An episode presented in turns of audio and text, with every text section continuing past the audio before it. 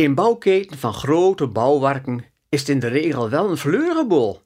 Meestal zit er een aardig ploegje volk in.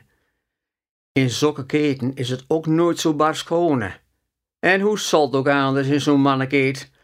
Van alles ligt er op de grond. Ook vaak stokjes brood. Dat de moezen hem er een wilder op bestaan.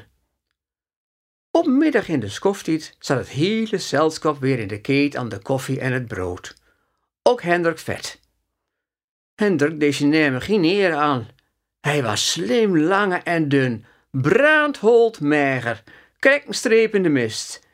Hij kreeg al gauw een skelnamen. Ze noemden hem de tuinslangen met een brillen op. Een moes, die waarschijnlijk honger kregen hadden, kwam zo in een uit een hoek in de keten. Een van de timmerluden zag hem en smeet een knieptangen naar het moes. De moes raakte daardoor in paniek en vleug bij de broekspupen van de tuinslangen in, die op zijn beurt in paniek raakte.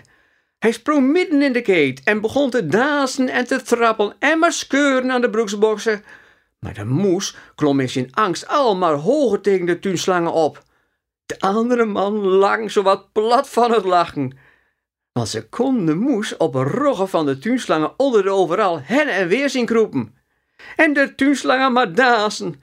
Het zwier brak hem uit. En ze mochten maar lachen. Maar doe niet, kreeg de tuinslangen een helder ogenblik. Hij scheurde er overal uit.